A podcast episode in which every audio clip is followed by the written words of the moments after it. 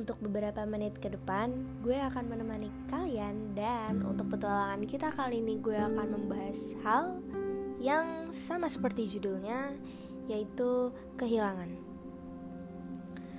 Kehilangan adalah hal lumrah dalam hidup. Setiap orang dipastikan pernah berhadapan dengan pengalaman kehilangan. Selama masih bernafas, manusia tak bisa lepas dari perkara kehilangan. Bentuknya juga bisa bermacam-macam mulai dari kehilangan jabatan, pekerjaan, harta, termasuk kehilangan orang-orang yang dicintai. Pengalaman kehilangan orang tersayang terasa lebih sulit. Pilihan untuk berpura-pura senang jelas bakal melelahkan. Kalian harus mengeluarkan ekspresi bahagia meski hati masih terasa sedih.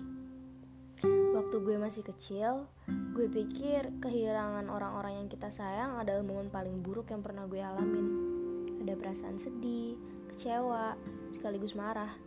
Itu banyak perasaan negatif yang gue rasain.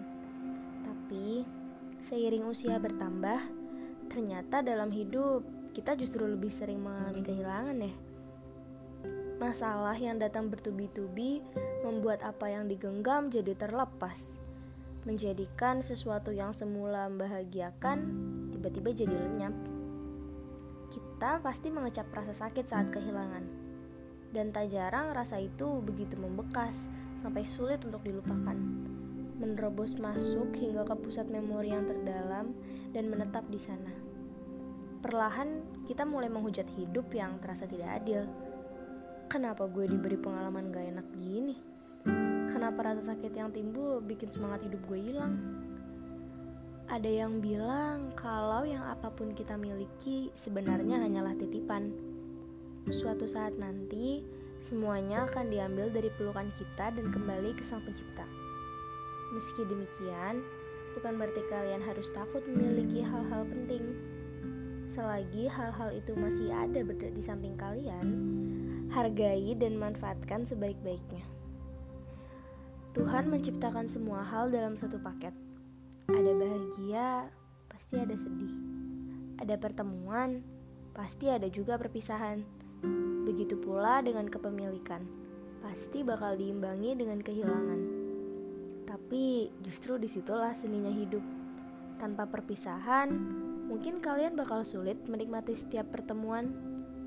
Tanpa kehilangan, boleh jadi kalian juga susah menghargai apa yang menjadi milik kalian saat ini.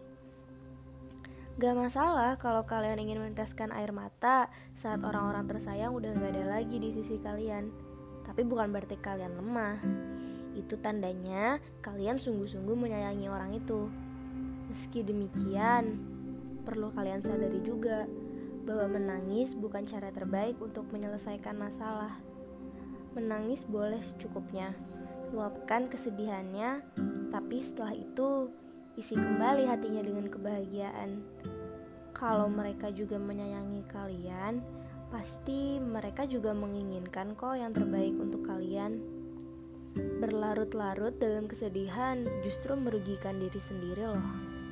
Lebih baik jadikan kenangan indah itu sebagai motivasi agar kita mampu menjalani hidup dengan lebih baik dan menciptakan kenangan baru yang lebih indah lagi.